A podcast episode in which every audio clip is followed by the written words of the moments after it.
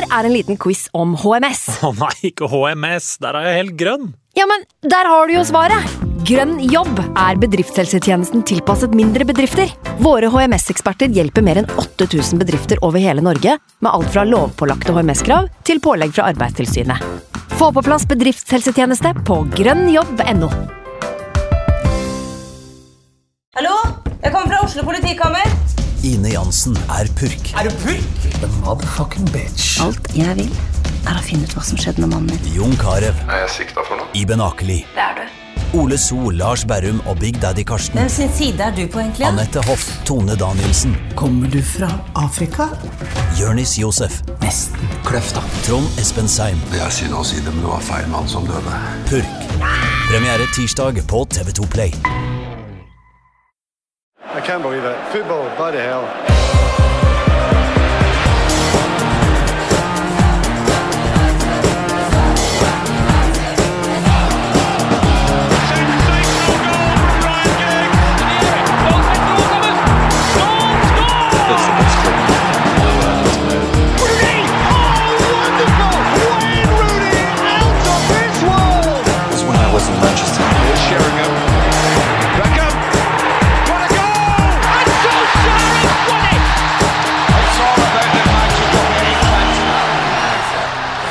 Et kapittel er over, og vi sier velkommen til United We Podcast. Jeg heter Ken Vasenius Nilsen. I dag så har jeg med meg Andreas Hedman. Hallo, Andreas. Hei, hei hå, hei hå. Kan høres i nerdelandslaget eh, for alle nerds der ute, og dem som ikke er det også. Eh, fortsatt god underholdning, selv om du ikke skjønner et kvekk av hva som sies. Helt åpenbart, vi kommer langt på entusiasme. Dere gjør jo det. Eh, gaming og generell eh, nerdestoff kan du høre der. Eh, anbefales absolutt. Jeg er til og med gjest, hvis det, hvis det liksom skulle være noe kanskje sjekke ut. da. Eh, Eivind Brennhoft Holt fra United.no er også med oss. Hallo, Eivind. Oi, det gråtes. Det er tungt. Eivind gråter sine bitre tårer. Eller er det krokodilletårer? Vi vet er- ikke. Det vet vi ikke. Nei. Det er veldig vanskelig å avsløre også. Ja. Da må man ha bakgrunn før man får vite om det er krokodilletårer eller ordentlige tårer. Gi oss konteksten, Eivind. ja, Gi oss konteksten. Jeg tror alle skjønner konteksten. Det har vært en uh, tung uke. Uansett om manageren er norsk eller ikke, eller klubblegende eller ikke, så er det vondt når ja. United må skifte manager, for da det er det tydeligste symbolet på at ting ikke er som det skal være.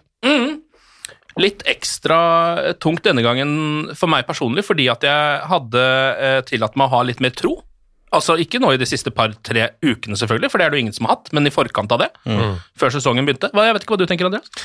Nei, jeg er helt eh, på samme bagen som dere. Jeg, nå sliter jeg generelt litt med, med gnisten da, når sånne ting skjer. Ja. Eh, og da mener jeg hele United-gnisten. Dere vet jo eh, hvordan jeg forholder meg til toppfotball, og det blir jo et tynnere og tynnere eh, tynnslitt forhold for hvert år som går.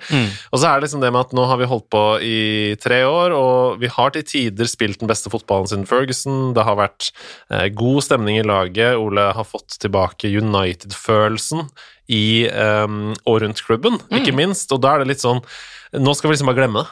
Det, det Ja. tok ett døgn, så er det sånn Yes, on to the next one, boys! Og det er sånn eh, Nei, nei takk. Eh, og derfor så sliter jeg litt med gnisten, fordi um, Ole Gunnar Solskjær og teamet rundt han fikk nye langtidskontrakter bare for noen måneder siden. Ja. Eh, og når de da kastes på dør eh, sånn, så føles det som klubben har løyet litt til meg, da. Hvis du skjønner hva jeg mener. Jeg føler at det er vanstyrt. Jeg føler at de som sitter på toppen, eierne og ledelsen, de bare skyter vilt rundt seg. Og det er liksom sånn um, Det var ingen andre klubber i verden som jakta Ole Gunnar Solskjær og trenerteamet. Eh, så hvorfor gi ny langtidskontrakt når du skal sparke han tre måneder etterpå? Det er mitt store spørsmål i denne prosessen. Men eh, når alt kom til alt, føler du at de hadde noe valg? Nei, nei, på ingen som helst måte. Eh, prosjektet var over, utvilsomt. Og selv om det er vemodig og sårt og, og vondt, eh, for det er det, eh, som du sier, både som nordmann, men også som United-fan, så er det vondt, så var det riktig. Eh, jeg er mer kritisk til den forlengelsen i sommer, fordi da mener jeg at det signaliserer jo at vi nesten uansett hva som skjer denne sesongen, så kommer vi til å stå bak eh, dette teamet. Eh, men det gjorde de jo åpenbart ikke, så hvorfor eh, spy ut masse penger på det da? Det er mitt spørsmål. Og jeg, jeg får mange spørsmål om liksom Ja, har du trua på Carrica? Tror du det blir bra? Men det er jo feil spørsmål. Ja. Spørsmålet er jo det du sitter med, mm, Andreas, og setter ord styret på her. trua på Carrick? Ja, eller har vi trua på ledelsen? Eh, og hvorfor skal vi ha det Nå har vi vært gjennom fire forskjellige konsepter. Eh, ingen av de har fungert. Hva er det som tilsier at eh, det sitter folk i det styret med nok kompetanse til å gi oss et nytt prosjekt som vi skal investere følelser og penger i? Hva er det som gjør Hvordan skal de presentere et prosjekt til oss nå som vi skal liksom stå bak med god samvittighet? Eh, og, og jeg mener at det er nesten skamløst og på grensen til respektløst altså. å på en måte nå servere oss et nytt prosjekt, om det blir Porcettino eller Ten Hag eller Zidane eller hva det blir, uten å på en måte adressere at vet du hva, vi har gjort noen feil på veien her, Ja. men nå skal vi gjøre det på den måten her, og derfor så må dere være med oss nå. Mm. Det kommer ikke til å skje, fordi det er ikke sånn Manchester United og toppfotballen som Andreas begynner å distansere seg fra her, funker. Men, men eh, akkurat det Andreas sier her, eh, er det jeg også har hørt fra veldig mange United-sportere de siste dagene, at én ting er ok, Solskjær er ute, og, og, og det er over, men det er veldig vanskelig nå å mobilisere for å tro på det neste kapitlet her. Og tro jeg, må er jo bare, ja. jeg må bare skyte inn én ting. For det eneste som faktisk har forandra seg siden forrige gang vi sto i denne situasjonen, det er jo at vi har fått på plass en sportsdirektør. Eller en director of football, da. Som ja. du og, og jeg håper jo i mitt eh, naive, unge sinn eh, Kan meg fortsatt ung. eh, Gratulerer. at, eh, at det kan ha noe med saken å gjøre. At det kan komme noe input der på en måte å spille på, eh, på hvordan man kan på en måte viderebringe den, det som Solskjær nå har, og teamet har tatt inn i klubben, rent sportslig. Altså, mm. mye er bra med det de har gjort, men vi har jo sett at det har lakket på eh, At det har skortet på, mm, på taktikk, kanskje, på variasjon, på eh, kreativitet fra trenerbenken. Så hvis man kan ta den entusiasmen og gløden og den derre Go out and show them what you're made of, eh, og sette det i system uh, via en sportsdirektør, så kan jeg ha mer tro på det prosjektet. Jeg håper jo bare det, da, at uh, de vet sitt eget beste, dette styret, og, og pinner ganske mye på denne sportsdirektøren, eller på noe. For rent PR-messig så ville det vært det beste å gjøre, tror jeg. Men problem nummer én er jo at etter hva jeg har fått med meg, så er det veldig sjelden Murto nevnes eh, i forbindelse med den ansettelsesprosessen som nå eh, skal gjøres. Tvert imot så er det snakk om at Ed Woodward skal bli sittende lenger. Eh, og problem nummer to er jo den lista med potensielle vikarer og managere. Altså det, her er det jo ikke snakk om to-tre kandidater, det er snakk om ti stykk som visstnok vurderes, og det er ti forskjellige retninger. Ja. Eh, og der ligger eh, problemet, da, for meg. La oss, eh, Vi kan dra på med et par analogier om kjærlighet her, som jeg syns passer ganske bra.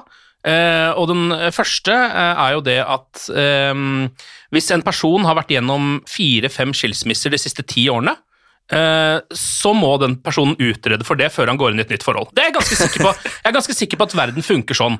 Eh, at neste eh, dame eller mann eh, eller transperson da vil si ok, men jeg ser her på din CV eh, at du eh, er jo i to måneders eh, ekteskap. Tre måneder, eller to års noen ganger. Jeg ser du er oppe i tre år med en nord nordmann her. Det Gratulerer med det. Hvordan, det var sikkert ganske bra, eller? Nei, det var helt ræva. Ok, det er jo synd. Ehm, og, sånn har du holdt på eh, veldig lenge. Så her er det tydeligvis noe feil med deg. Ikke med de du er sammen med, vil jeg liksom på en måte tenke da. Dette må adresseres før frieriet. Ja, før frieriet. Dette må vi snakke om først. Jeg håper du er klar over det først og fremst. At du er i denne situasjonen, at du har et problem med dette. Her må noe gjøres. Og så er jo Den eh, andre tingen er jo at de som eh, klarer seg best i kjærlighetsforhold, er jo ofte folk som har vært i et par før. Kanskje ett som har gått veldig dårlig, ett som har gått ganske bra, og ett som har gått ganske middels. Og så tar de med seg erfaringen der. Så jeg håper jo ikke at vi snakker om et Manchester United nå som skal kutte alt som har skjedd de siste tre årene, og begynne helt totalt på nytt igjen uten tanke om det. Fordi det høres jo ut som et uh, elendig prosjekt, rett og slett. Ja, da setter man seg selv opp for uh, failure igjen, da. Ja. Fordi da har man jo ikke lært av noen ting av fortiden, uh, og går i de samme fellene på nytt. Det blir som å, uh, å starte et utested, og så går det konk, og så starter du bare et nytt utested med de samme eh, Og du har ikke lært Ja. noe av hva som gikk galt forrige gang, og så fortsetter du og fortsetter og fortsetter med det. Er det ikke det som er definisjonen på galskap? Å gjøre det samme om og om igjen, og tro at det skal være forskjellig resultat. For det blir det ikke. Det blir det samme resultatet. Ja, og når du da ser på um, managere vi har hatt i klubben, som har gått videre andre steder og hatt suksess, og som åpenbart har vært eh, bedre utgaver av seg selv eh, i andre klubber, og da tenker jeg spesielt på utskjelte David Moyes, da, for eksempel, Ja. um, da syns jeg jo at det er helt åpenbart at problemet ikke ligger hos manageren, men eh, i dypt inn i klubben vår. Og da vil det også være en erkjennelse at det arbeidet som har blitt lagt ned her de siste tre åra, det har på en måte ikke betydd noen ting, for vi har ikke lenger tro på det. Nei. Eh, men jeg er ganske sikker på at eh, Ole Gunnar Solskjær eh, leverer fra seg en arv som er bedre enn den Mourinho eh, ga fra seg. Ja, ja. Eh, og det 100%. handler først og fremst om kulturen. Det var en usunn kultur i klubben, det var det ingen tvil om, men via en del grep som vi ikke ser, som ikke syns på tabellen eller i, i resultatene, så er det gjort ting på Carrington som gjør Manchester United til en bedre fotballklubb å være i som menneske. Og det tror jeg betyr litt, da. Og håpet må jo være at man får inn en manager som kan videreføre den kulturen. Um, og det andre handler jo om stallen, som er Den ser jo veldig bra ut på papiret. Eh, så man må jo få inn en manager som får mer ut av det laget enn det Solskjær klarte. Kan vi snakke litt om uh, to midlertidige før ny, eller? Hva, hva, hvorfor trenger vi det? Ja, Det um, er det jo flere som lurer på. Det er ikke bare deg, Andreas. Vi har fått inn uh, spørsmål på eh, Twitter også um, om dette her. Skal vi se om jeg finner fram her. Uh, det er Rudeboy som Å, ja. spør om dette. Han skriver Carrick, midlertidig sjef, ny sjef. Skal det virkelig være to sjefer innom før man får seg en ny ordentlig sjef? Grei ut, skriver han. Grei ut. Nei, det skjønner ikke jeg heller. Eh, Jeg tenker, eh, kan det gå så mye verre nå? Ja, vi har eh, vunnet gruppa vår i en elendig gruppe i Champions League og kommet oss videre der. Um, Så vi har i teorien en mulighet til å vinne Champions League fortsatt. Så Ja. hvis, man ser for seg at man skal gå for en Tuchel-modell, da. Um, eh, Chelsea var ganske svake inntil han kom inn, og han snudde det og vant Champions League. Um, så vil jeg heller jobba knallhardt for å få inn en ja, nettopp Tuchel-løsning midt i sesongen, f.eks. Pochettino, da, eh, enn å gå for en um, Carrick-løsning. Og han går bare og venter på når han mister jobben. Mm. så kommer det en midlertidig manager inn, Ja. som kan være f.eks. Jeg så Steve Bruce meldte seg til tjeneste. Ja, ja, ja, ja. Eh, han mener at han kan snu humøret i garderoben. det, mener han. Det kan jo hende. Han En artig fyr, Sett da. på en film, da. Og så, og så når, han er, eh, når den sesongen er over, så er det sommerferie, og så skal man bruke lang tid, og så begynner preseason, og så er det sånn, det er fortsatt ikke noen ny manager på plass. Altså, jeg, jeg vil bare ha Carrick, helt til vi har på plass en ny permanent løsning. Ehm, jeg vet at du da viderefører de samme ideene som det gamle trenerteamet, fordi de åpenbart er der fremdeles, eh, har gjort, men eh, jeg tror for eh, vår sportslige suksess langsiktig, så vil det bare være mye mer forvirring i spillersalen hvis du skal få inn enda en imellom der, med andre kanskje tanker om hvordan fotball skal spilles, da. Så uh, ja, jeg, jeg sier stå med Carrick og teamet inntil man har på plass en eh, permanent løsning, og måtte den please komme i type mai, sånn at man har hele sommerferien og hele preseason til neste sesong. Ja. Vi skal gå gjennom eh, alle de managers som nå ser ut som de er mest aktuelle eh, for Manchester United. Ja, vi har Eh, tid til det. vi har tid til det, og gjøre det litt sånn etter hvert. Um, Jon Arne Riise, han eh, Jeg har hørt at Jon Arne Riise er ledig nå, eh, faktisk, på markedet. Det er jo en sn snedig tanke. Um, og vi skal jo da også takke av Ole Gunnar Solskjær, uh, fordi det er denne podkasten. Mm. Som er den hvor vi skal takke av Ole Gunnar Solskjær. Eh, og da kan vi jo eh, først tenke litt på at det har vært en eh, norsk manager nå eh, i Manchester United i snart eh, Ja, det blir vel tre år, da. Um, det gikk akkurat som det gikk, dessverre. Men det har skjedd. Og la oss liksom eh, bare tenne et lite lys for den perioden som har vært der. Som har vært en eh, litt absurd, eh, litt drømmesekvensaktig noen ganger og marerittaktig andre ganger eh, periode, vil jeg si. Em, vi skal uh, snakke litt mer om Solskjær og litt mer om hva, liksom, hvilket renommé han sitter igjen med etter dette her, men først så føler jeg vi må ta bakteppet, for det har vi egentlig ikke snakka ordentlig om. Um, og Vi tar bare det aller siste av bakteppene, så vi tar Watford-matchen uh, veldig kjapt. Kan jeg begynne? Kan jeg spole litt Ja, enda For jeg lenger. tror det begynte Jeg tror starten på slutten her er den Leicester-matchen. Ja. Det var det som blei sagt at det er den første skjebnekampen i en rekke av skjebnekamper, og sånn blei det jo også. Ja. De taper 4-2. Det eh, hele begynte mot Young Boys, da. Det må man jo Ja. legge til. Det var ikke Men jeg tror bra. i garderoben så tror jeg det starter der. Mm. Um, for da er det, kall det et oppgjør. eh, Begge disse kampene så jeg på pub. Bare så, den, eh, bare så den, Det der er ikke en myte lenger, det er en sannhet. Jeg må ikke gå ut og se fotball. Mm. Fortsett. Nei, men da er det et oppgjør på King Power Stadium etter, etter matchen, ifølge rapporten, og da spør Solskjær åpent i garderoben hva er gærent. Hva er det som gjør at vi, vi trøbler på den måten her?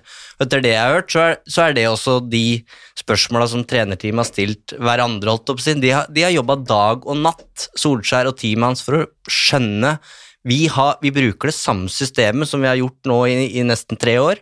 4-2-3-1, med den, ja, de samme og bedre spillere. Vi har gitt den ene midtbanespilleren litt mer frihet. Hvorfor gjør det at, at alt rakner her? Ehm, og det, ja, det kommer ingen svar. Det, er- det er stillhet, og det ender jo med Jeg vet ikke hvor uh, dramatiske de konfrontasjonene er, men Erik Bailly stiller f.eks. spørsmålet om hvorfor spiller ikke jeg den matchen her når Maguire ikke er klar. Godt spørsmål, Bay. Eh, et, annet, et par andre spørsmål handler jo om hvorfor spillere som Jesse Lingard og Donny van de Beek ikke får flere sjanser. Men jeg tror det starter der, eh, og så er det den City-matchen eh, som gjør at all tro på Solskjær og prosjektet fordufter. Mm.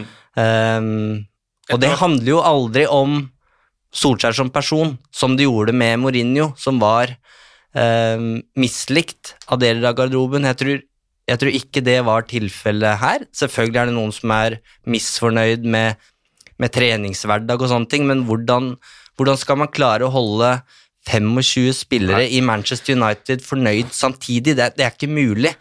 Eh, men Sånn har det alltid vært. Under Ferguson også, så var det jo masse folk som var misfornøyd hele tiden. Mm. Det er ikke noe uvanlig, det. Det er heller et sunnhetstegn. For det betyr jo at det er krig om plassene på laget. Hvis Ja. folk bare hadde apatisk gått rundt og sagt sånn 'Jeg sitter på benken, jeg. Det er helt i orden', så hadde det vært mye dårligere stemning. Ja. Så tenker jeg, det. Men det er en erkjennelse, tror jeg, at det, dette her vil ikke gå. Og da kommer vi til Watford-kampen, og så er spørsmålet hvorfor gjør det ikke noe i landslagspausen. Min teori er at United-ledelsen, som meg og deg og alle andre, vil at Solskjær skal lykkes, fordi det er en, det er en prosjektskisse som gir mening. Det er romantisk. Eh, Solskjær framstår på, som en, som en eh, god United-manager. Eh, så det, og ikke minst, det var ingen åpenbare alternativer der. Nei. Så de ville gi Watford skulle være den siste, siste muligheten, og det blei det jo. Og dessuten, fra et helt sånt uh, menneske-til-menneske-perspektiv, så blir det jo en kjempejobb for hele styret uh, når de tar den konklusjonen at vi må skifte Solskjær. Ja. Ah, Ok, gutter, Ja. det er bare å begynne å skrive masse masse dokumenter. Vi må finne riktige folk. Og du og du og du må jobbe overtid, og vi må sitte her inne på det styrerommet her, og de skal ha seks timers møte. Du må på Teams. Ah, du har ikke koden til det Teams-møtet. Ok. Altså, det, jo, det blir enormt mye jobb! Ja, ja. Så selvfølgelig vil de at han skal lykkes. Det deiligste er jo å bare kunne surfe gjennom arbeidsdagen fra ni til fem og gå hjem fordi de, de på treningsfeltet gjør jobben. Ja. Um, så jeg tror ikke det er noen som har villet gjøre dette uh, i administrasjonen heller. Det, så morbid uh, Det ønsker man ikke seg sjøl, tror jeg. Um, og så kommer man da fram til kampen mot Watford, som jo uh, er rein knusing, selvfølgelig. Um, Hva det- tenkte dere før den matchen? Jeg tenkte at Josh King kom til å skåre, det gjorde han. Eh, han jeg satt sammen med og så kampen, en Spurs-supporter, han satt masse penger på King, stakk av med de. Han var også helt sikker på at han kom til å skåre, for det gjør han jo mot Manchester United. Mm. Da tenkte- straffa kom, så begynte vi å bli litt usikre når han ikke fikk ta den, men det ordna seg jo, det. Jeg tenkte eh, dette er et av de dårligste lagene i Premier League. Hvis vi, eh, denne kampen kommer vi til å vinne. Og hvis vi ikke vinner den, så er det bevisst sabotasje, tenkte jeg, Ja. fra spillerne. Ja. Um, og vi Etter å var ha jo sett kampen, hva tenker du? vi var jo aldri med. Vi var aldri med i kampen. Nei. Så jeg vet ikke om det var bevisst sabotasje, eller om det bare var uh, en holdning til livet som ikke er, uh, lønner seg å kopiere. Men uh, det gikk utrolig dårlig, og det hadde 100% noe med eh, inngangen til kampen å gjøre. Det er jeg helt åpen og overbevist om. Ja. Jeg har hørt to uavhengige historier. Eh, Altså fra internt i Leicester så ble det sagt før United-matchen eh, Dere kommer til å knuse oss, ståa er fryktelig her. Altså Eh, Watford eller Leicester? Leicester. Ja, før den kampen. Eh, og før Watford-kampen, internt i Watford, ble det sagt dere kommer til å knuse oss. Ståa her er forferdelig. ja. Men for det stemte jo i begge tilfeller, og det. Eh, det var jo ikke noe Altså, det, man, United var jo fortsatt, selv i den situasjonen der, solklar favoritt, favoritter, liksom. Jeg hadde ikke noe jeg, jeg var ganske sikker på at Josh King kom til å skåre. trodde United kom til å vinne likevel. Altså, se på, spiller, se på liksom startoppstillingen. De har Tom Cleverly på midtbanen der! Det var fire stykker, det var du som la ut bilde av det, fire stykker fra Manchester United eh, eh, 09-10 som starta kampen Ja. og slo oss. Men- men- det er helt Jeg orker ikke! Nei, Nei, jeg orker ikke. Og Ben Foster, som etter kampen legger ut video at han skal på puben og eh, drikke noe øl og kose seg. Det er bare sånn Nei, Jeg orker ikke. Nei, det er, altså, det starter jo helt grusomt der. Jeg husker Bruno har en, det er jo den pasningen som, eller pasning kan man ikke kalle det, men en sleivspark som fører til det straffesparket. Som de liksom, merker, eller sånn kommer seg unna med. da, Det er jo litt sånn typisk start for Manchester United i dårlige perioder. det der. Så ligger du under på en sånn kjip straffe mot Watford plutselig. Eh, men det skjer jo ikke, men allikevel så klarer de å liksom surre seg opp i det. da. Eh, og før man veit ordet av det, så står det 2-0 før pause. Eh, da har både King og Sarr skåret. Og så kom jo Donny van de Beek inn i pausen, og så må jo si at han spilte en glimrende andreomgang. Han spilte jo øh, Han var skikkelig, skikkelig god, syns jeg. Altså, Nesten sjokkerende nivå på han. Sånn, så kontra det vi har sett før. Av, Den du er. er, du så, er du så god, liksom? Han hadde jo noen øh, Både han og Jaden Sancho syns jeg faktisk spilte en ganske bra match. Og har vært ok i det siste generelt. Eh, Donny skårer jo også eh, 2-1-målet til United. Det kommer etter 50 minutter, og da eh, er United inne i en veldig liksom, i hvert fall kampens beste periode, da. Så man har litt følelsen at de kan komme tilbake til en 2-2 her, og de kan til og med vinne kampen 3-2. Eh, men så varer den perioden altfor, altfor kort, fordi Harry Maguire Og idet han, får- i det han får rødt kort der, så ser du at Solskjær skjønner Ja, Nå har jeg mista jobben. der røk det. Du ser det på benken. Ja. Det er et eller annet som bare forsvinner Det er som eh, i tegnefilmer og sånn, når du ser at sjelen forsvinner ut Mm. av, av menneskene fordi de skal over til dødsriket. Det var sånn. Ja. Han bare Ja. Det var som luften bare gikk ut av ballongen Ja. på benken. Og det gjorde den av Manchester United også. Det ender da med 4-1 etter to mål på overtid. Eh, gode van de Beek, Sancho, ræva Maguire. Og veldig mange andre på laget, men han var verst. Syns for øvrig det var veldig mm, fascinerende å høre Gary Neville snakke om Solskjær etter den matchen, hvor han sammenligner eh, med seg sjøl. Eh, husker ikke hvor mye han tapte på Camp Novo eh, for Barcelona som Valencia-trener, men det var mye. Ja, ja. Eh, og han, han snakker liksom om, om den følelsen du står, eh, står med da som trener, hvor du, du veit at det er over, eh, og du er liksom ikke til stede. Du hører spørsmål, at du får spørsmål eh, i intervjusituasjon, eh, men du tenker ikke, du bare, du bare svarer eh, og hører deg sjøl svare. Eh, og Solskjær fikk jo blant annet kritikk fordi han, fordi han smiler i det, i det intervjuet etter kamp, og som Neville sier, han, han veit ikke engang at han smiler. Altså, han, han, han, han er dead inside. Eh, det er helt mørkt. Um, og det syns jeg du så, som du sier, Andreas, at det, det var over. Og, og han går jo over til fansen eh, etter matchen og, og takker de ordentlig for, for kampen og unnskylder seg. Eh, og i ettertid så fikk jeg i hvert fall høre at han, han visste at det var over uten, eh, uten seier mot Hotford. Ja, for det var det jeg har lest også, at han hadde fått det på en måte ultimatumet før kampen. da. Det er jo ikke noe spesielt god uh, inngang til en kamp, det, uh, når du får vite sånn Altså i alle aspekter av livet, da, hvis du får vite før du skal gjøre noe. Hvis du ikke får til dette, så ramler alt sammen. Lykke til. Ja.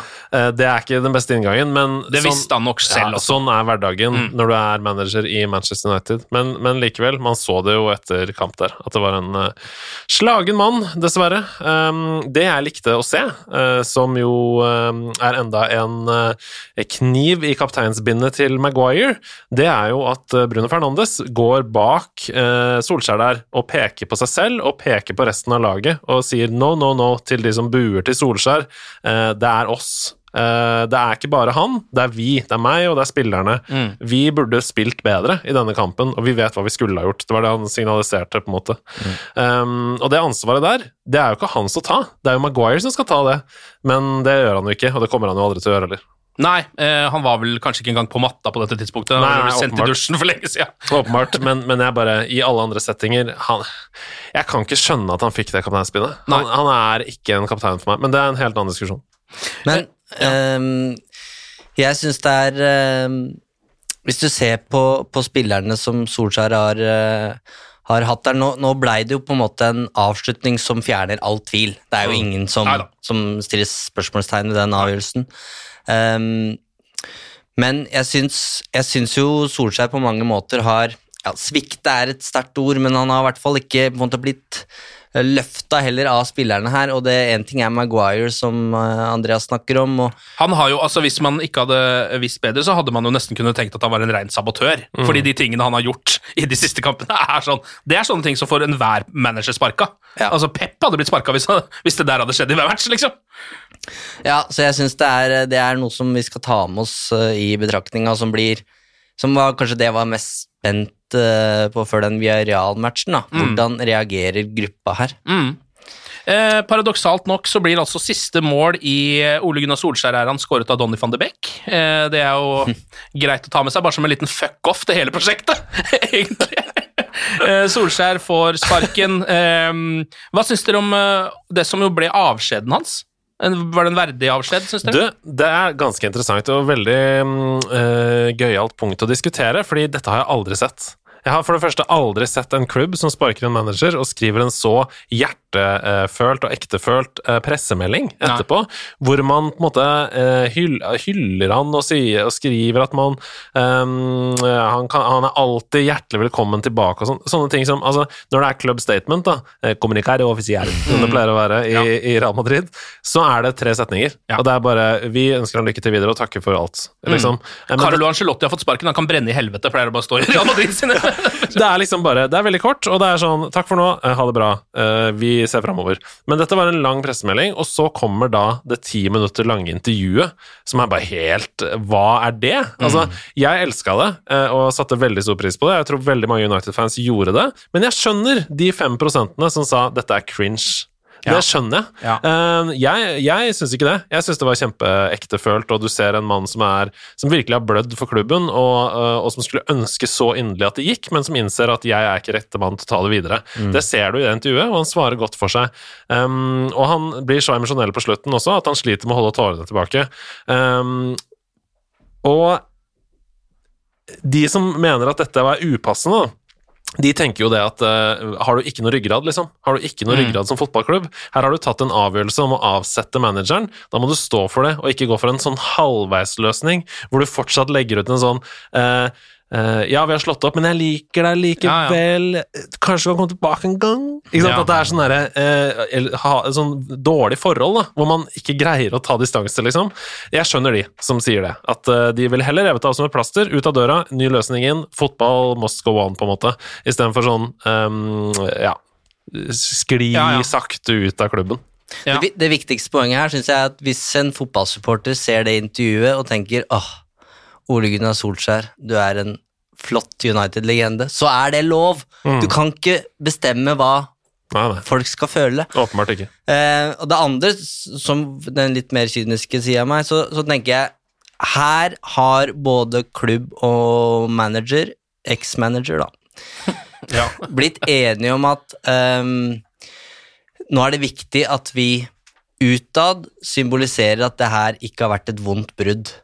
Eh, så det blir litt tilbake til den, de kjærlighets... eh, Ja, ja. vi har hatt der, da. Ehm, så Solskjær sier jo at han stiller opp som UTV-pundit hvis det er ønskelig, og det er liksom Og det er jo noe av det han har fått kritikk for også, at, at han setter seg ned i et sånt intervju og egentlig bare Nei, jeg har verdens beste trener og verdens beste spillere. Det var synd det ikke gikk, men her er, her, her er det god stemning. Eh, men for meg som support så var det liksom ikke det som var det var ikke det som var det viktigste budskapet i, i intervjuet, fordi vi, vi veit at ting ikke er som det skal når en manager, manager får sparken. Men det var det å se Solskjær slippe ned garden, som han har hatt i alle pressekonferanser. Eh, det var som å se det første intervjuet som han gjorde med samme fyr, eh, Stuart Gardner, da han fikk jobben i desember 2018 og var det var en sånn, eh, Nå skal ikke jeg bli altfor høytsvevende, men det var en veldig sånn befriende energi da, etter at man hadde stått der med Mourinho. Og litt den var akkurat som han liksom hadde en ryggsekk på 50 kilo som han, han nå hadde tatt av seg. da. Um, Du hører det på det siste spørsmålet, eller Ja. eh, til reporteren Stuart Gardner, som du sier her òg, hvor han sier bare sånn eh, It's always been a pleasure. Mm. Tenk, ja, det er sånn til og med han er liksom lei seg for at Ja. han ikke Ja. får lov til å intervjue Solskjær lenger. Um, eh, jeg vil bare, Du skal selvfølgelig få fortsette, jeg vil bare skyte inn at um, eh, vi kan ikke være så kyniske heller. fordi vi, i en skilsmisse da, uh, hos to voksne mennesker, så ønsker man jo som barn at foreldrene skal fortsette å være venner. Og det er jo det klart beste for familien, hvis mor og far klarer å, å, å ha et ok eh, forhold, Ja. sånn at eh, barna har det bra. Og vi er jo barna her, da. Eh, og Manchester United er klubben, og vi ønsker jo eh, Nei, jeg er pappa, mens Ole Gunnar Storskjær er mamma, og vi ønsker jo at de skal fortsette å ha selvfølgelig et åpenbart eh, godt forhold. Så det er ikke Når vi tar ett steg tilbake, så må vi bare være glad for denne prosessen, dere. Det har jo ikke vært liksom eh, vondt, og legendestatusen til Solskjær er jo i høyeste grad ivaretatt. Eh, det mener jeg, og etter tre år som manager i Manchester United, så kunne det ha skjedd mye som ikke hadde fått den legendestatusen eh, til å bli ivaretatt. Men jeg tror at om ti år så tenker man på Solskjær som en, som en United-legende. Ja. Og det, det hadde nok ikke vært så lett hvis ikke det hadde vært for det intervjuet på slutten. Nei, jeg syns det, en- det ble en verdig avslutning på det som eh, har vært to veldig vonde måneder, da. Ehm, og, og den ansettelsen av Ole Gunnar Solskjær som United-manager har liksom Den har vært så unik fordi han kom fra Molde. Uh, og, og den reisen med også fra midlertidig manager og, og fram til i dag liksom må ha vært så Det er liksom en enighet om at Solskjær passer United, men han kan ikke gå inn i Han går ikke nå inn i Chelsea eller Real Madrid, liksom. Det er fordi han passer United. Um, og jeg syns det var et, et intervju som viste veldig godt hva det har betydd for Solskjær, da. Og at han, um, han alltid har satt eh, klubben først, for å sitere en boktittel. Ja, takk for det. takk for det. Ehm, men hva, vil, hva blir ettermælet hans, da? tenker dere? Du sier at han fortsatt kommer til å ha status som United-legende. Kan det godt hende han til og med eh, blir sett på som en enda større United-legende om noen år igjen. Vi får se hvor dette her bærer. Eh, med dette prosje lille prosjektet som han i hvert fall har lagt et slags grunnlag for da nå. Jeg så en 1 12 minutts video som oppsummerte Ole Gunn Solskjærs eh, managerkarriere i United med tårevåt patosmusikk i bakgrunnen. Um, og der han, noen av hans mest legendariske sitater fra pressekonferanser kom ut, og noen av de vakreste øyeblikkene på fotballbanen. Og da mener jeg ikke uh, sånne uh, 30 meter langskudd opp i krysset mot Chelsea, f.eks., Rashford der, men da mener jeg sånn finspill, da. Klikk, klikk, klikk, klikk, klikk, mål. Eh, som vi ikke har sett siden eh, Ferguson. Eh, kjappe kontringer, raske overganger som fører til mål, eh, og Solskjær som hjuler på sidelinja. Og de øyeblikkene der, natten i Paris f.eks., vil eh, vi aldri glemme. Nei. Det vil stå ut. eh, og det er lettere å huske det enn å huske de forferdelige kampene borte mot eh, f.eks. Newcastle, eller eh, hjemme mot Norwich, eller borte mot Norwich. Jeg husker, den kampen er helt Du husker det ikke, så det er jo, Nei, jeg vil ikke snakke understreker ditt eget Ikke poeng. snakke om den. Uh, ja, ikke sant. Nettopp. Så det er lettere det. Og så kommer vi alltid til å komme tilbake og se på Ole Gunnar Solskjærs 189 mål for United, eller hva det er. Den compilation på YouTube som har alle målene hans. Ja. Um, og vi kommer aldri heller til å glemme selvfølgelig uh, 99. Så det er jo ja, Jeg er ikke noe bekymra for hans status. Eh, selv så har jeg noen høydepunkter. Eh, den, den første perioden generelt, altså perioden hvor alt bare var 4-1 og 5-1, eh, og alt bare gikk inn og det var helt vilt å se på. Og Rio, kaster, Rio Ferdinand kaster liksom papiret på bordet der og bare Sign it! Ja, Name your fee! ja, sign it! Det Altså, dårlig Rio Ferdinand-parodi. Det, ja, det, for så vidt, men eh, det, det er ikke derfor du er her heller. For, fordi du er den beste parodimakeren her til lands. Um, og da jeg selv også satt på uh, Old Trafford uh, og så kampen mot Southampton, der var du også, Eivind.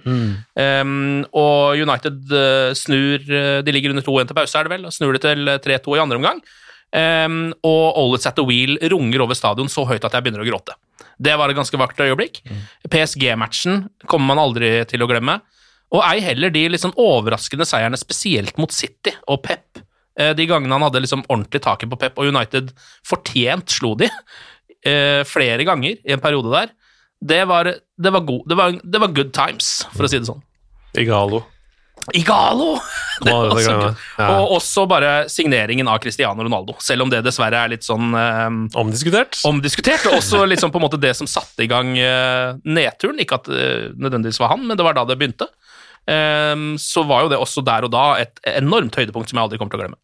Du sa manageralternativer, var det det vi skulle snakke om? Ja. Eller? Jeg skulle bare skyte inn at det- blei uh, All Set The Wheel gikk i via Real. og den eh, kommer til å bli synget igjen på Old Trafford. Eh, og den dagen Ole Gunnar Solskjær kommer tilbake igjen på Old Trafford, for det gjør han, som supporter, så, så kommer han til å bli hylla. Eh, Ja. Og ja, det er som Andreas sier, han, en, han vil være en legende i Manchester United uavhengig av de tre åra her.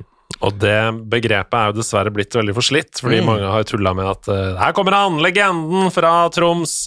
Ikke sant? Um, men han er en ekte legende, Ole Gunnar Solskjær. Ja, han er det. Uh, vi kan se på noen av de alternativene som er da, til å ta over uh, jobben etter Ole Gunnar Solskjær. Nå er det jo da Michael Carrick som skal være midlertidig manager fram til man sannsynligvis finner en ny midlertidig manager, er det som Jeg har skjønt at er planen, det snakka vi om tidligere.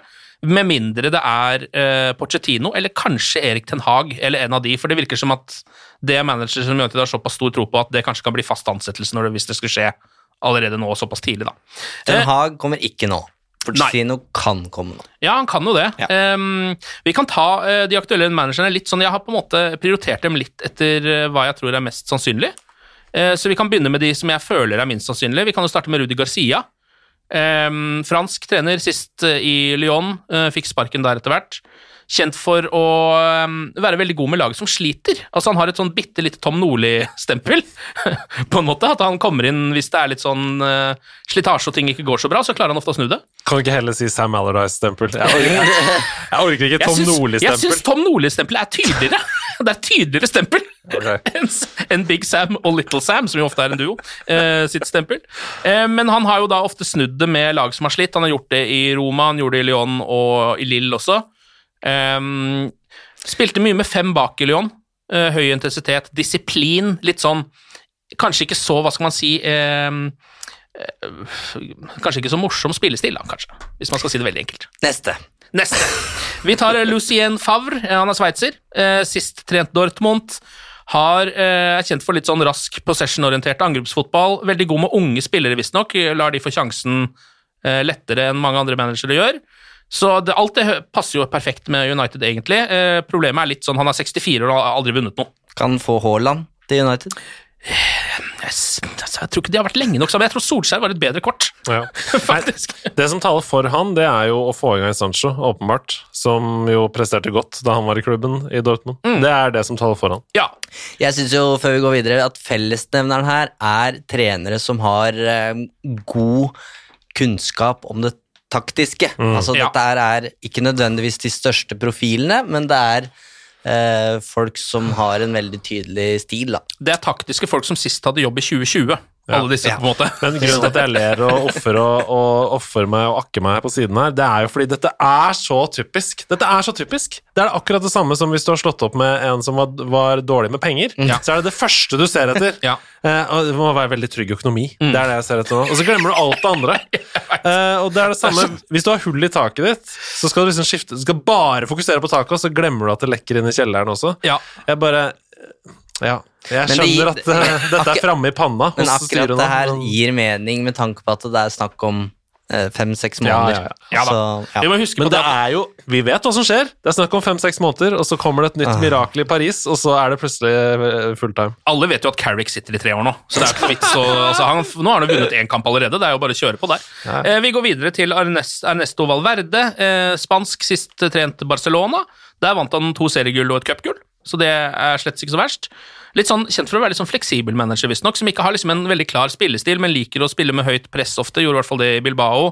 Eh, I Barcelona så ble han jo beskyldt for å være litt defensiv i spillestilen sin, men det er jo da liksom eh, til, I motsetning til den voldsomme tikketakan til Guardiola, da. Så eh, alt blir jo litt tamt når man sammenligner det med det.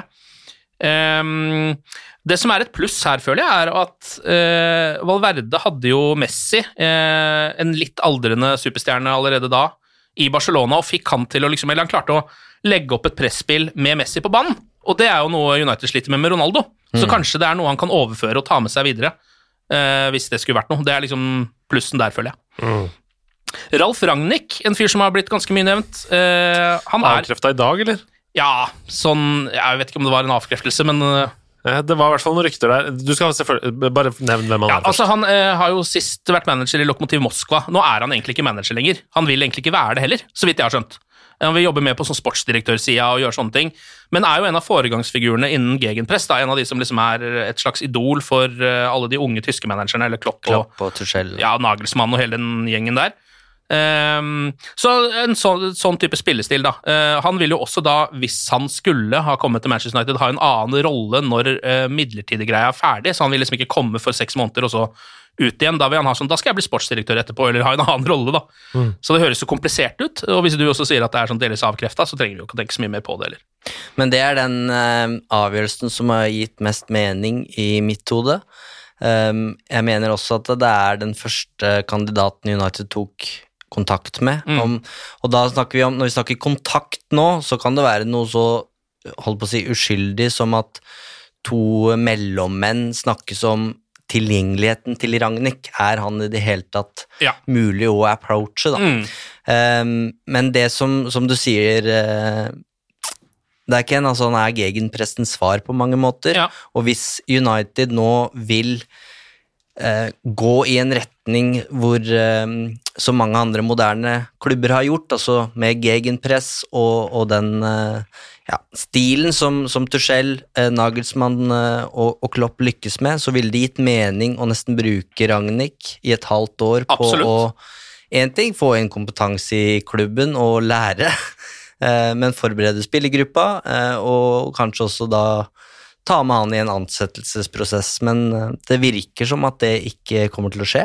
Nei. Eh, Det er jo en sånn tiukerspause ukers pause på vinteren i Lokomotiv, eller i Russland, eh, som har gjort at Ragnhild har, har blitt lansert som en mulig alternativ, da, fordi Mm. han kan være ledig. Men eh, nei, usikker.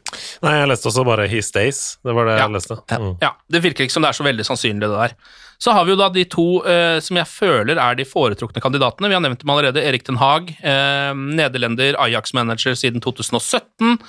Tok dem til Champions League-semifinale i 2019. Eh, det husker vi jo alle hvordan det gikk. Eh, Tapte mot Spurs. Eh, årets generasjon med Ajax-spillere. Eh, trent av Ten Hag ser jo fantastisk bra ut inntil videre, rett og slett. Og det er jo Ajax-stilen vi snakker om her. Det er 4-3-3, det er korte pasninger, det er mye ballbesittelse, eh, forhåpentligvis offensiv fotball. Eh, kanskje noen ganger får man følelsen at det ikke er så farlig hva som ser bakover. Hvor står du, Ken?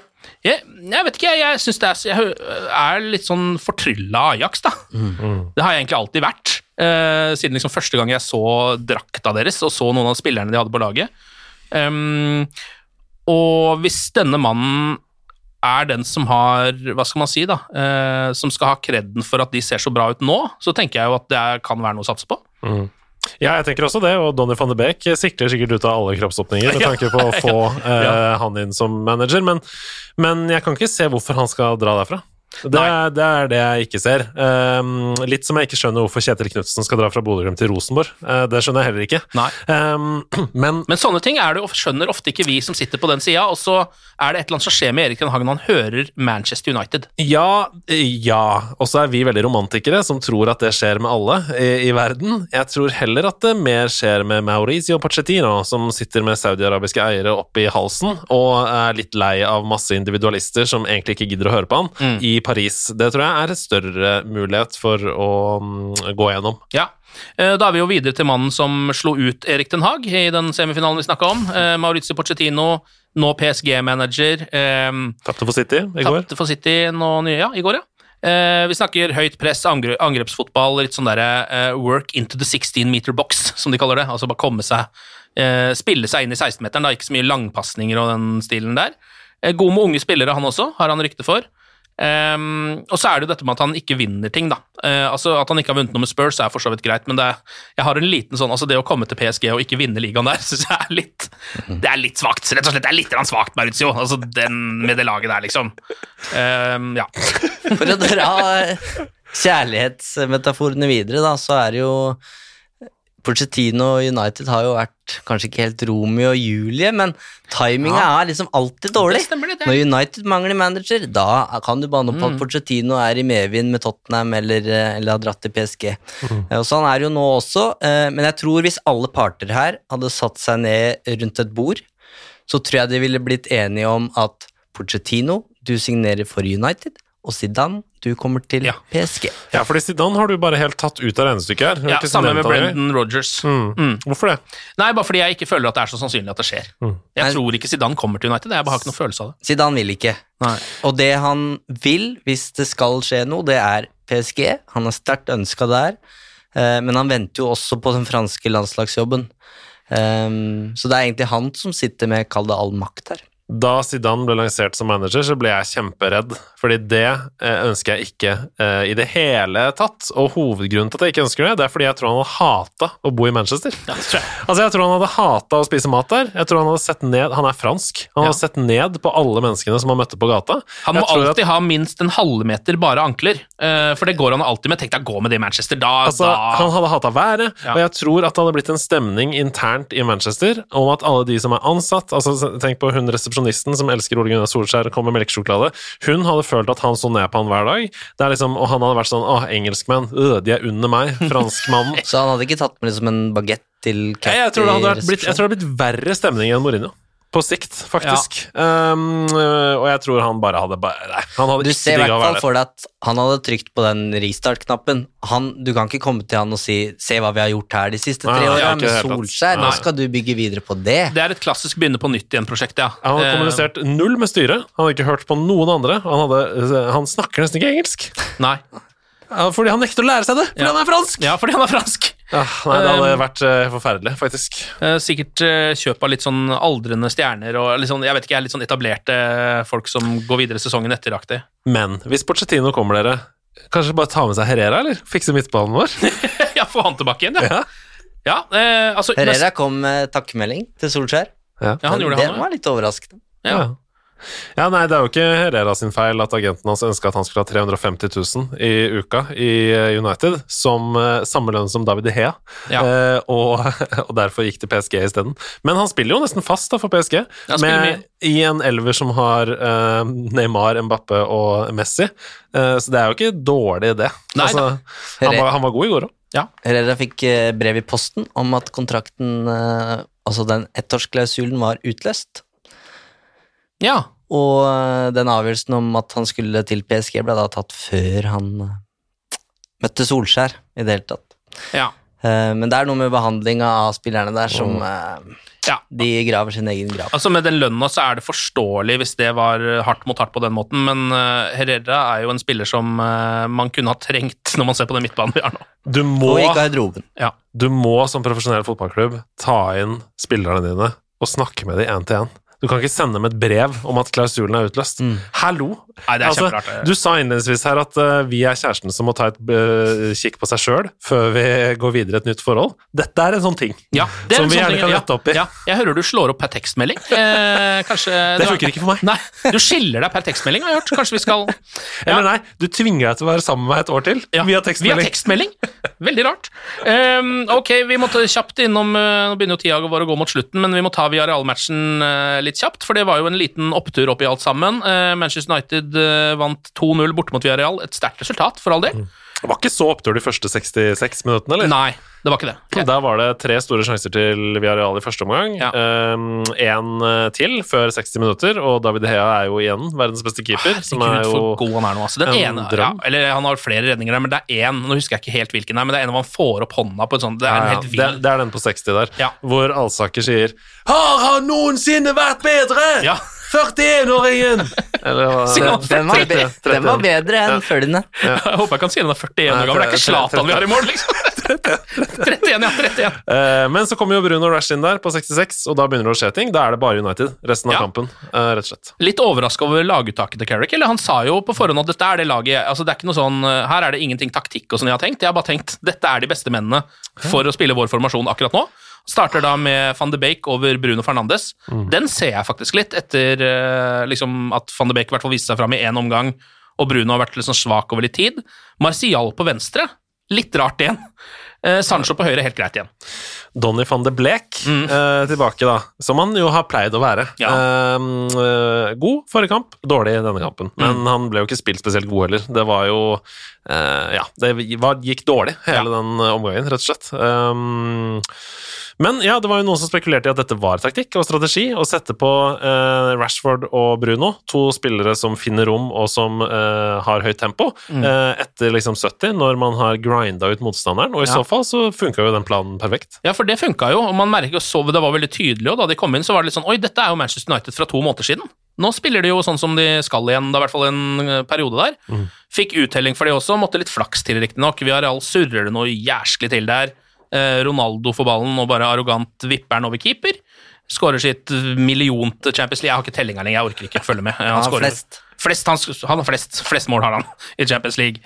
Eh, og så eh, ruller United opp eh, en liten overgang, og ballen går fra Bruno til Sancho. Sancho dunker den i tverrligger inn. Deilig å se det fra Jaden Sancho. Jeg føler Han er sånn, han, han kommer nå, altså. Han kommer til å ha en god sesong, tror jeg. Nå, fra nå ut, da. Ja, jeg tror også det. Det var jo på en måte en eh, spennende kamp i og med at man Det er Carrick sin første, men det var vel ikke så mange som forventa en type sånn Cardiff-greie eh, mot Villarreal. Det blei det jo heller ikke, og jeg syns det var veldig tydelig at Carrick skulle kontrollere det her inn, og jeg tror, holdt på å si, planen eh, Jeg tror han ville vært godt fornøyd med ett poeng, United ville jo levd med det. Ja. Ehm, men jeg, jeg er spent på fortsettelsen her, for hvor mye hva skal jeg si, ny energi kommer inn i garderoben når det er en, eh, en trener som har vært der hele veien, som tar over. Ja, jeg kan ikke tenke meg at det har noen sånn spesiell effekt. Jeg tror ikke man får noen Carrick-effekt, på en måte. Nei. Nei, I den grad man kan ha fått noe effekt, så er det Vet du hva, folkens, nå må vi vise Nå må vi Han, eh, Ole Gunnar Solskjær, har brukt tre år av livet sitt på eh, dette, og vi vet at han har jobba dag og natt. Han fortjener respekt i at vi i hvert fall gjør vårt beste. Ja. Det, og det holder til én kamp, kanskje to. Mm, det. Eh, Kjøre den så- tallen resten av året, det går ikke. Ja, nei. Og så var det jo spennende å se på hans første pressekonferanse, hvor han fikk eh, 1000 spørsmål og ga det samme svaret på alle, at fokus var neste match mot Villarreal. Men han ble spurt om hva, hva er din stil, hvordan vil du at laget skal spille fotball? Nei, det hadde han klare tanker om, eh, men han ville ikke si noe mer enn det. Eh, men er, jeg hadde ikke akkurat forventa at han skulle gå inn i holdt på å si, en 3-4-1-2-formasjon. Det ville jo ligne på noe av det Solskjær eh, har spilt med, og det syns jeg også det gjorde. Men dette er jo en enorm mulighet for Michael Carrick. Altså, Han må jo gripe denne muligheten med begge hender, og ikke fordi han kommer til å bli permanent manager i Manchester United, for det kommer han aldri til å bli. Det, altså, Kanskje en annen gang langt inn i fremtiden, det er umulig å spå, men han blir ikke det pga. dette. Altså, Det blir ikke en Solskjær 2-0 som eh, en midlertidig manager som får jobben, det kan jeg ikke tro. Men det han kan gjøre nå, disse ukene, det er jo å levere gode resultater, vise en tydelig spillestil, fordi han får jo sparken når det kommer inn en ny fast manager. Ja. Altså, Pochettino tar med seg sitt team, helt åpenbart. Mike Phelan, eh, McKenna, eh, Carrick forsvinner ut av dørene i det øyeblikket det kommer inn en ny manager. Og hvis han da, hvis Carrick har en seiersprosent på 80 for eksempel, og har spilt underholdende fotball i den perioden, så er jo line-up for ny managerjobb. Newcastle Ja, eller, Oh. ja, eller, eller Rangers. Ja. Eller eh, en Scott Scrub, altså et eller annet sånt, da. Eh, og, så han må jo bare eh, jobbe på han nå for å skaffe seg en ny jobb. og. Veldig spent på hva, den, eh, hva han kan få til, altså hva som er hans kompetanse. Jeg ser jo ikke på han som en manager i det hele tatt, men det gjorde heller ikke med Ole Gunnar Solskjær før han kom sånn ordentlig. Så sånn Kanskje han kan ta over Bodø-Glimt når Kjetil Knutsen går til Når han går Rosenborg? til Rosenborg, ja. Det er alltid en ledig jobb der, så det er bare å bli med på den. Altså det, er, ja, det er jo bare en stollek, hele greiene. Men 2-0-seier, det betyr jo eh, med hjelp av andre resultater at United ikke bare er videre, men vinner gruppa. Og det er jo en helt sinnssyk bonus oppi alt det her. Ja. Altså, En ting er fotballkampen, og det var deilig å vinne igjen, og Sancho tverrlegger inn, og ja, deilig det, men gruppevinner kan plutselig slappe av mot Young Boys. Når er det vi sist kunne spille en kamp som vi ikke trengte å ja, det er sant. bite negler i? Altså, det Ja. Sebastian sa det sist gang han var der, at, eh, var her, at vi har nesten ikke sett de unge spillerne til United gjennom hele sesongen. Altså, eh, tidligere under Solskjær så har vi sett akademispillere komme opp. Folk har fått eh, sjansen. Short Tiere, som du sa, i, i preseason i år. Um, hvor har de vært denne sesongen? Helt borte. Er det mot Young Boys, da? At vi kanskje kan få et par av dem inn igjen? Jeg ønsker meg det. Jeg tror det kan gjøre noe med dynamikken i garderoben òg. Det virka som eh, altså Solskjær eksperimenterte jo ikke så mye med laget etter hvert. Han gjorde mer i stad, eller sånn det første året, kanskje, syns jeg. Også etter hvert så, i hvert fall den sesongen her og egentlig litt forrige, så fant han liksom en elver. Som han kjørte litt for hardt, kanskje. Eller sånn, det var den som skulle spille, da. Så ble det jo litt mindre spilletid på resten, men eh, jeg vet ikke, det, eh, det skjønner jeg til en viss grad også, for det virka litt for skjørt. hele det prosjektet til å kunne kødde for mye med det, på en måte. Eh, ok, men da er det ehm, Stamford Bridge som er neste. Søndag 17.30 ut mot serielederen. Hva tror dere? Jeg tror det blir stygt, for å være helt ærlig. ja, det, Vi har tradisjonelt alltid slitt på Stamford Bridge. Ja. Uh, United spiller dårlig der, um, og det er knallhardt å komme dit. Um, og Chelsea er også nå veldig, veldig gode. på sitt beste. Nå er jo både Chilwell og Canté ute Ja. uh, med skader, og det er jo Vi ønsker jo selvfølgelig aldri at motstanderen ikke skal kunne stille med sin beste elver, fordi da er det jo uh, Ja, du skjønner. Det er ikke sånn man skal vinne fotballkamper. Det er ikke sånn man skal vinne konkurranse. At man må ha handikap på motstander. Nei. Men vi tar jo det vi får. Fotball er en skadeutsatt idrett, og vi har også hatt elver eh, med masse skadeplager, så vi tar det vi får. Um, vi får håpe at det gjør at midtbanen deres er litt skjørere, fordi vår er ekstremt skjør. Så uh, det er der kampen kommer til å stå, rett og slett. Um, ja, og så må vi ha, hvis um, Nå vet jeg ikke om Varan blir klar til den kampen, sannsynligvis ikke, men uh, jeg så United henne og stilte spørsmålet er det Lindeløf som er den nye makkeren til Varan istedenfor Maguire. Jeg syns jo det. Uh, Lindeløf har vært god eh, når han har spilt, og, og eh, Forsvaret blir helt avgjørende i den kampen. Ja, jeg mener i hvert fall at man kan ikke være så svak eh, og direkte skyldig i flere tap og baklengsmål som det Maguire har vært nå, og ikke bli satt ut av laget for det. For da, da, det er, da er det jo det man kaller klippekort, og skal du Ja. ha det, så må du faen meg være Messi eller Ronaldo i det minste, liksom. Men hva tror du, Eivind? Du sitter jo tettere på ting. Det er eh, fra dag til dag, tror jeg, på Carrington, eller Carrington, som det blir. Oh, den er fin! Carrington. Den er ikke dum. Nei, men eh, jeg tror eh, Altså, den frykten for et stortap på, på, på Stamford Bridge, det handler jo nesten like mye om Chelsea som om ståa i Manchester United om dagen, for de er bare en seiersmaskin med, med Tuchel. Hele, hele forsvarsrekka der skal jo ha målpoeng i hver eneste match, så det er jo livsfarlig. Men det viktigste, og det går litt imot det jeg akkurat sa om at avansement og, og gruppeseier i, i Champions League var det viktigste mot Chelsea. Nå så føler jeg nesten det bare handler om å komme ut av det med æren i behold, fordi det viktigste som må skje nå, også sånn de neste ukene, er jo at sesongen ikke må glippe helt ut av hendene våre her. Eh, med tap mot Chelsea så kan det være ni poeng opp til topp fire. Eh, og da begynner det å bli ganske kritisk. Det er mye som tyder på at Carrick også skal lede laget mot Arsenal, eh, som er i vinden om dagen. Um, og jeg tror det er jeg, tror personlig det vil gjøre ganske stor forskjell eh, på om Pochettino kommer inn nå, kontra om man må bruke tid og ressurser på en annen ansettelsesprosess, få inn en tysker, franskmann, sveitser, eh, for å på en måte Som skal tilpasse seg Old Trafford. Manchester United er en så stor og spesiell klubb at jeg, jeg er veldig usikker på om det går an å bare gå inn i den klubben og så på en måte levere det du skal levere i, i seks måneder, og så si ha det igjen. Um, så jeg tror det jeg, jeg føler mye står og faller nå på, på Pochettino, uh, og det er, det er det er en veldig komplisert greie, tror jeg. Eh, fordi det handler ikke bare om United og Pochettino, det handler også om PSG og Zidane.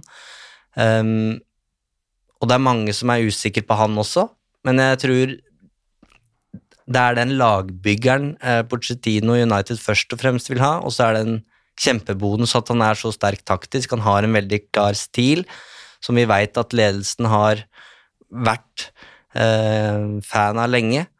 Um, og jeg tror, hadde han kommet inn 1. januar um, og på en måte kunne sagt i dag, i 2022, begynner vi på nytt på Altså, ikke dårlig valg av ord, men i dag begynner Porcettino-æraen på Old Trafford, um, kontra om man får inn uh, Ralf Ragnhild, Mm. uh, som ingen kjenner helt, og som skal redde stumpene.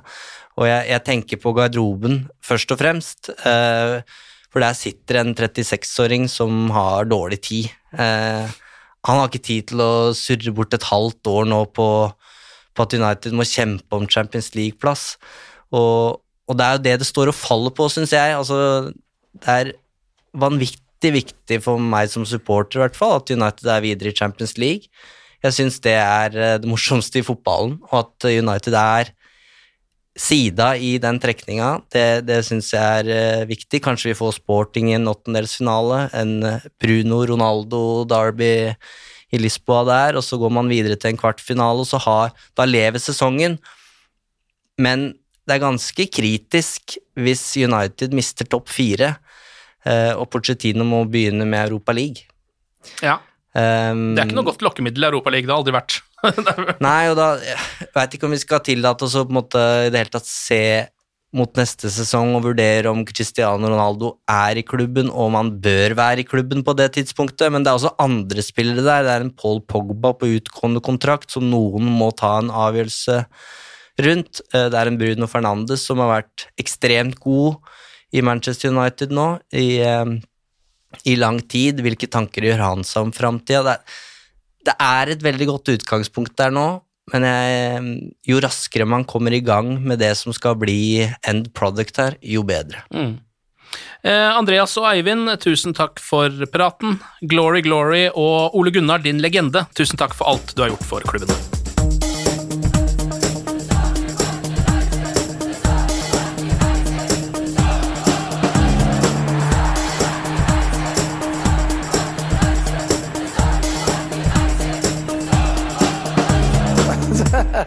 Oh, it's true. I've seen many things. Moderne media. Ukens annonsør det er matkasseleverandøren Hello Fresh. Der kan du velge mellom 25 ulike oppskrifter hver uke, eller få Hello Fresh til å sette sammen en meny for deg. Jeg sparer tid på å handle, oppskriften er veldig enkle å lage, og så får jeg akkurat det jeg trenger da, til hver eneste rett, så jeg slipper å kaste så mye mat som jeg vanligvis gjør. Det er også litt deilig å faktisk slippe å gå på butikken, ikke bare fordi det er tidkrevende, og sånn, men fordi man ender opp med å kjøpe så mye greier som man egentlig ikke trenger, sånn som fire poser eh, Smash og en kick med havsalt, eksempel. Det er ikke det du egentlig er der for, du er der for å kjøpe, kjøpe middag. Så det er en veldig eh, kjekk ting. I tillegg så er det jo eh, ferdigporsjonerte ingredienser, det blir mindre matsvinn, og du betaler bare for det du faktisk trenger, og det du faktisk da spiser. I tillegg så blir det da levert på døra til et eh, fastsatt tidspunkt, sånn at du kan få det akkurat når det passer for deg eh, sjæl. Hvis HelloFresh høres ut som noe for deg, så har jeg en rabattkode du kan bruke også. Gå inn på hellofresh.no og bruk koden HelloUnited24.